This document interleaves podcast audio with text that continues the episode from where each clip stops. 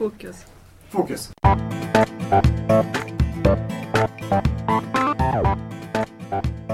Hej och välkomna till Lärpodden. En podcast i samarbete med Barn, elevhälsa, skolutveckling, Medietek Sundsvall och Sjönsmo skola. Vill ni veta mer om programmet? Gå in på pedagogsundsvall.se larpodden.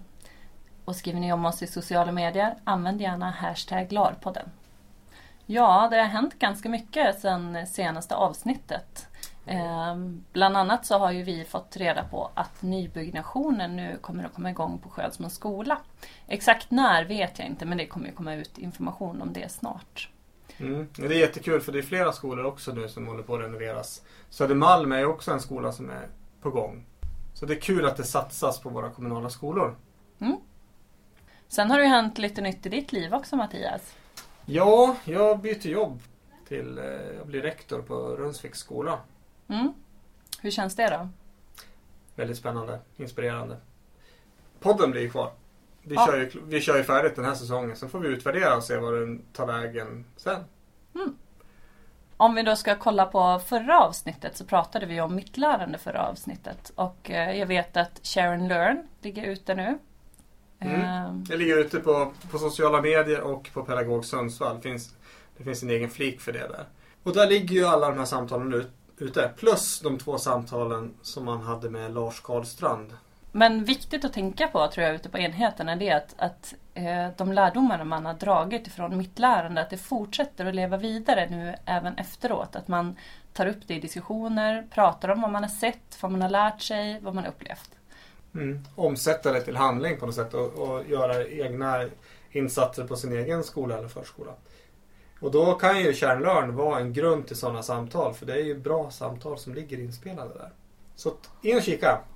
Ja, vad ska vi prata om idag då? Ja, idag ska vi ju prata lite grann och kolla lite grann på det här utvecklingsarbetet som har varit på Sjönsmons skola som heter Utvecklade lärmiljöer. Ehm, vi kommer att prata lite grann om, om de olika rollerna vi har haft och systematiken eh, som har varit under arbetsgången. Lite lärdomar och sånt. Det här pro- projektet av utvecklade lärmiljöer det är ju ett avslutat projekt nu. Där vi går in i en, en fas där, där skolan själv ska bära lärdomarna och omsätta det utan stöd utifrån. Kan Mm. man säga. Vad var din roll i utvecklade lärmiljöer? Ja, jag satt ju och arbetade som projektledare så mycket jag gjorde var ju att eh, sköta systematiken känner jag. Jag hade koll på vad som, vart vi låg i projektet, att vi var på väg mot rätt mål och så. Men själva utvecklingsarbetet sköttes ju av alla på skolan.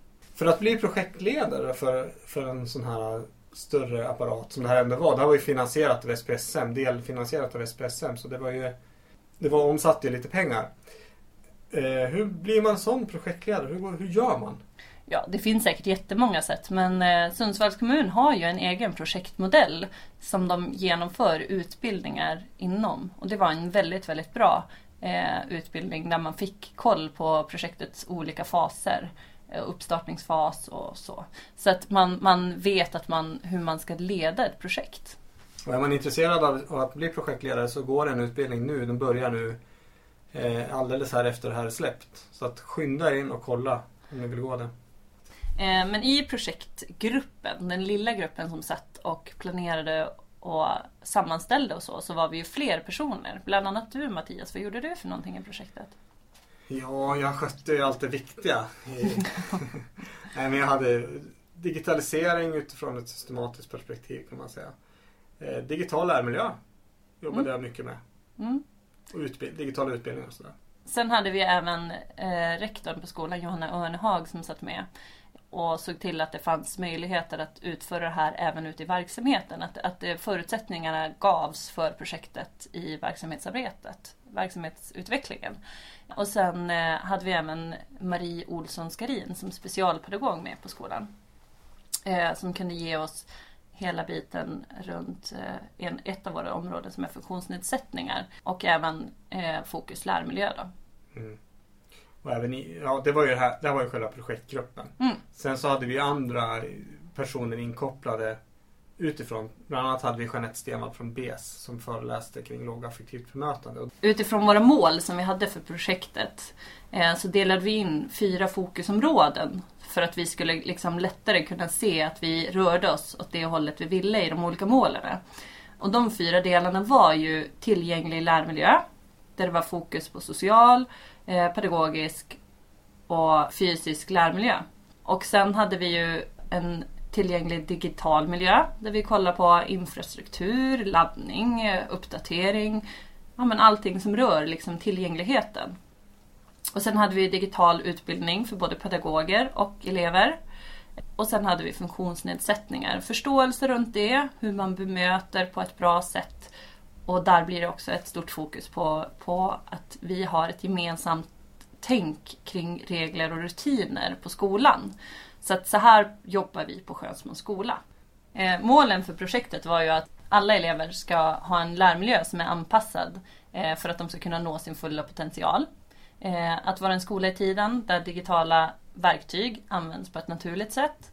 Och en skola som är bra på att bemöta och, och anpassa för olika funktionsnedsättningar som man kan ha. Mm. Blev det så då? Ja, vi utvecklades, tog steg framåt. Sen kan man ju inte på något sätt tänka att man blir någonsin färdig med något av detta område. Utan allting, om man, om man tittar på lärmiljön så, så lär vi oss och utvecklas hela tiden i det. Det kan man aldrig stanna upp i. Uh, den digitala utvecklingen uh, eskalerar ju bara fortare och fortare. Så även om vi utvecklas så måste vi alltid sträva efter att utvecklas mer. Och samma när det gäller anpassningar och, och att människors olikhet så är det också saker som man lär sig, upptäcker och anpassar efter sin egen verksamhet. Så det är aldrig, går aldrig att stoppa och sluta med det här. Nej. Vad känner du att du tar med dig från det här projektet? Ja, det, det som jag tänker det är ju att arbeta systematiskt kring en fråga. Som man som lärare gör väldigt, väldigt ofta. Fast det här blir ju mer kring en hel arbetsplats där man har ett gemensamt område som hela skolan ska arbeta utifrån under flera års tid egentligen. Där man delar upp det huvudmålet i delmål eh, och där man hela tiden följer rätt. Så man, så man ser att man är på väg åt rätt håll hela tiden. Den, själva den, det systematiska kvalitetsarbetet i det här, det, det bär jag med mig.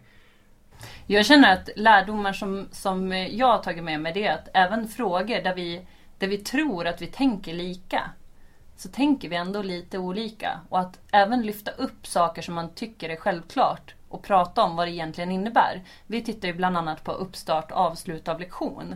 Där vi, när vi gick in i samtalet, tänkte att ja, men här kommer man ju att tycka ungefär likadant. Men när vi började titta på det och på vad eleverna faktiskt vill ha, för vi gjorde ju undersökningar bland eleverna, så kunde vi ju se att vi kanske inte var helt överens eh, det var saker som vi tyckte, eh, till exempel vilken information behöver eleven ha med sig för att få en lyckad lektion. Så var det väl kanske inte alltid att vi tyckte exakt likadant och kanske inte likadant som eleverna. Eh, så där gjorde vi ju en, en Skönsmån-modell där elevernas, eh, faktiskt elevernas sammanställning blev det vi följde. Att det var, handlade om digitalisering utan processen kring att förbättra någonting inom skolan det är ju intressant. Skolutveckling så är ju intressant. Ja. Vad känner du att, att du skulle, om vi startade upp ett nytt projekt, vad känner du att du skulle ha gjort annorlunda? Jag skulle ha en helt annan projektledare till att börja. Du var jätterolig. Nej men eh, det... Nej vad jag skulle ha gjort annorlunda. Eh, jag skulle nog ha gjort eleverna delaktiga tidigare i processen. Och få in deras... Eh, kanske ha, ha med dem i projektgruppen på något sätt. För att det handlar ju i slutändan om elevernas eh, lärande. Det är det, är det vi handlar, pratar om. Och då återigen så pratar vi om det. Vi pratar om elevernas lärande utan att riktigt koppla in eleverna i lärandet. Det här är liksom någonting som man kan utveckla i hela skolan, tycker jag, elevinflytandet. Så det hade jag nog förändrat. Sen hade jag gjort en kanske lite tydligare rollfördelning med, med vem som är ansvarig, vem som beställer, vilka som ska vara i projektgruppen. Det hade, det hade kunnat vara lite tydligare. Ja, vad ser du som de största lärdomarna i, i det här projektet? Ja, alltså det jag tänker är att, att tidigt i projektet sätta igång att utveckla verksamheten. För om vi ser vårt första år, gick mycket åt till att planera insatser eh, och, och göra sånt här saker som kanske inte alla var inkluderade i. Fixa den digitala miljön eh, och sådana saker. Att tidigare komma igång med själva det kollegiala lärandet. Att man tidigare kommer igång med att alla blir delaktiga i projektet. Alla delar i projektet. Eh, sen är det inte så att alla kan inte sitta och bestämma i projekten. Men att alla får vara med och säga vilka behov man ser och är med och, och verkligen genomför det. Så att det snabbare kommer igång med en verksamhetsförändring. Intressanta tankar tycker jag. Jag håller med om det där du säger. Nu efter finansieringen avslutat av projektet, hur ser man då att arbetet fortlöper? Alltså det, eh, det finns väldigt många olika delar som jag ser fort, fortlever. Det är ju, framförallt så är det ju ett, ett helt annat fokus på både eh, lärmiljö och funktionsnedsättningar, digital lärmiljö och liknande. Den diskussionen lever ju vidare i personalrum och i, liksom, i arbetet runt eleverna. Eh, men sen är det också så att det är en stående punkt som vi har på till exempel APT och AE och liknande. Att man, att man har olika grejer som fortsätter att arbetas med med det hela. Eh, så jag känner ändå att, att projektet lever vidare men det blir ju inte samma omfattning när man inte kan ha en person som sitter och, och kan till exempel sammanställa och driva projektet på samma sätt. Utan det, det lever vidare i andan och i, i det vanliga verksamhetsarbetet. Mm. För nu måste det ju bli en utveckling av Sjönsmo skola av det här. Mm. För att man kanske, ingången kanske var mer att man gjorde ett nedslag där en grupp byggde upp någonting som man sen skulle ta ut och eh, få andra inkluderade i. Nu är det ett läge där den här, eh, de här lärdomarna ska vara en del av skolan som ska vara tillsammans utveckla skolan. Mm. Och det här är ju, är ju, kan ju vara svårt. Att få det att bli en generaliserad kunskap på något sätt. Hur tänker man kring det på Sjönsmo skola? Nej men alltså det, det jag ser det är ju att, att vi i verksamheten lyfter de här besluten som är tagna gemensamt i personalgruppen tillsammans med eleverna. Lyfter vi och kollar upp, följer vi det som vi har beslutat och vi fortsätter även att utveckla nya områden. Och nu med den här nybyggnationen så kommer ju arbetet verkligen in i en kritisk fas där vi helt plötsligt ska anpassa verksamheten till nya lokaler och där vi ska försöka tänka nytt. Och där ser man också arbetet, vi har ju jobbat, eh, förskoleklassen och årskurs 4 har ju eh, det här året arbetat som en grupp, inte delat upp i klasser. Utan man har en grupp eh, per årskurs och sen så delar man upp i olika arbetsgrupper. Och det arbetet eh, utvärderar vi ju konstant, eller de utvärderar framförallt. Eh, och sen så är ju tanken att det här ska spridas vidare. Eh, så att till hösten så kommer nya, de förskoleklassen som går upp i årskurs 1 att jobba på liknande sätt.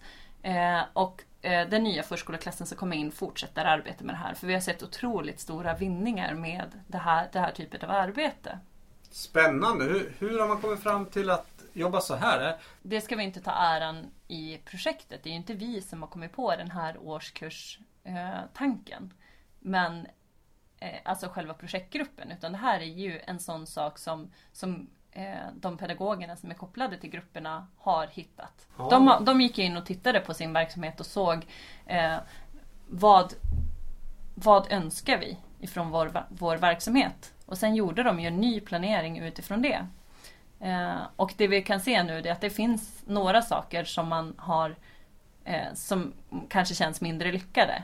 Men de, majoriteten av de tankarna som man hade har infriats. Man ser att, att eleverna vinner väldigt mycket på det. Och de här nackdelarna som man har, det får man alltid i all typ av, av verksamhetsförändring. Så, så blir det ju så att när du förändrar någonting så kommer man att få någonting positivt och någonting negativt. Och då gäller det att väga, är det positiva mer värt än det negativa? Kan man se, jag vet att det är lite tidigt, men kan man se trender i, i en högre måluppfyllelse med tanke på de här grupperna? Har du, har du någon vetskap om det? Nej, men det vi har kunnat se är, är att eh, eleverna är väldigt trygga med alla vuxna som är. Man har inte bara en som man kan gå till, man har inte bara en man ska lära sig av. Eh, så eleverna känns tryggare, både med sina pedagoger men även med varandra. De känner ju alla elever i hela gruppen. Och att det blir en trygghet, det finns inte en, en fast grupp som jag jobbar i utan jag kan jobba i olika typer av grupper beroende på vad vi gör. Mm. Så en, en trygg elev ge, ge, blir en elev som lär sig mer, mm. tycker jag. Eller Så. kan vara, om man utmanar dem. Självklart. Absolut, det är helt rätt. Vi kommer ju länka till projektmodellerna i, i våra show notes. Mm. Eh, vi kommer även att länka till den här checklistan som är grund, grundtanken kring eh, vårt projekt på Skönsmålsskola. Där det var en checklista eh, för eleverna eh, och en checklista för pedagogen. Alltså hur, hur genomför vi en bra eh, undervisning? Hur, får, hur maximerar vi lärandet helt enkelt? Och för att arbeta ett projekt så behöver man inte ha gått en projektledarutbildning. Alltså du kan ju ha, jobba efter de principerna ändå. Jag har, jobbar ju med flytten av elevhälsoträdet och är projektledare för det men jag har inte gått en projektledarutbildning. Så att man kan ju använda den här modellen även utan en utbildning, även fast det inte är optimalt. Absolut.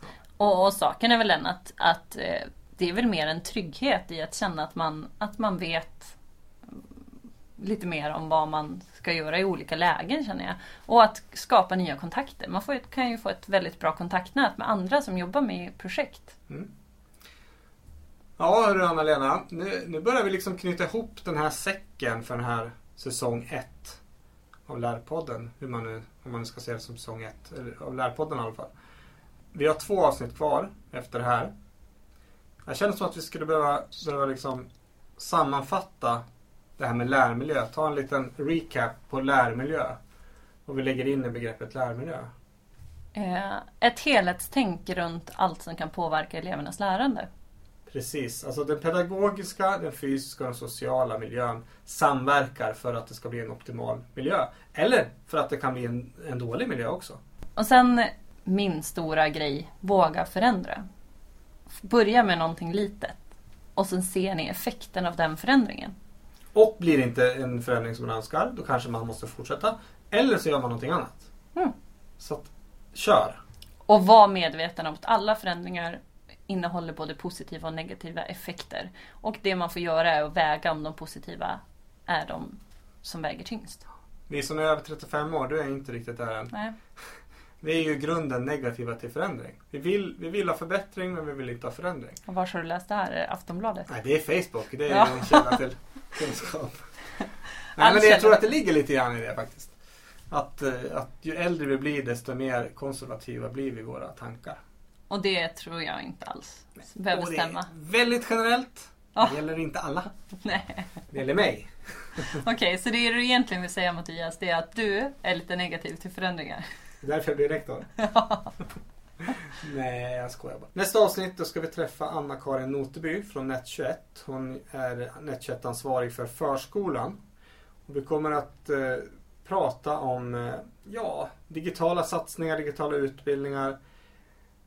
Jag tänker att vi kommer att titta på den, bland annat den digitala biten men även kanske fråga henne lite grann om lärmiljöbiten inom förskola. Eh, för att även kunna lyfta det perspektivet. Eh, och sen digitala utbildningar och stödfunktioner inom Net21 som finns. Mm. Som vanligt så kommer det bli allting inom lärmiljösaspekten. Ja. Visst. Det är bara att jag fastnar vid digitalisering. Det är därför vi är två här. Mm. ja, vill ni veta mer om programmet så är det pedagogsundsvall.se snedstreck larpodden som gäller. Och skriver ni om oss i sociala medier använd gärna hashtag larpodden.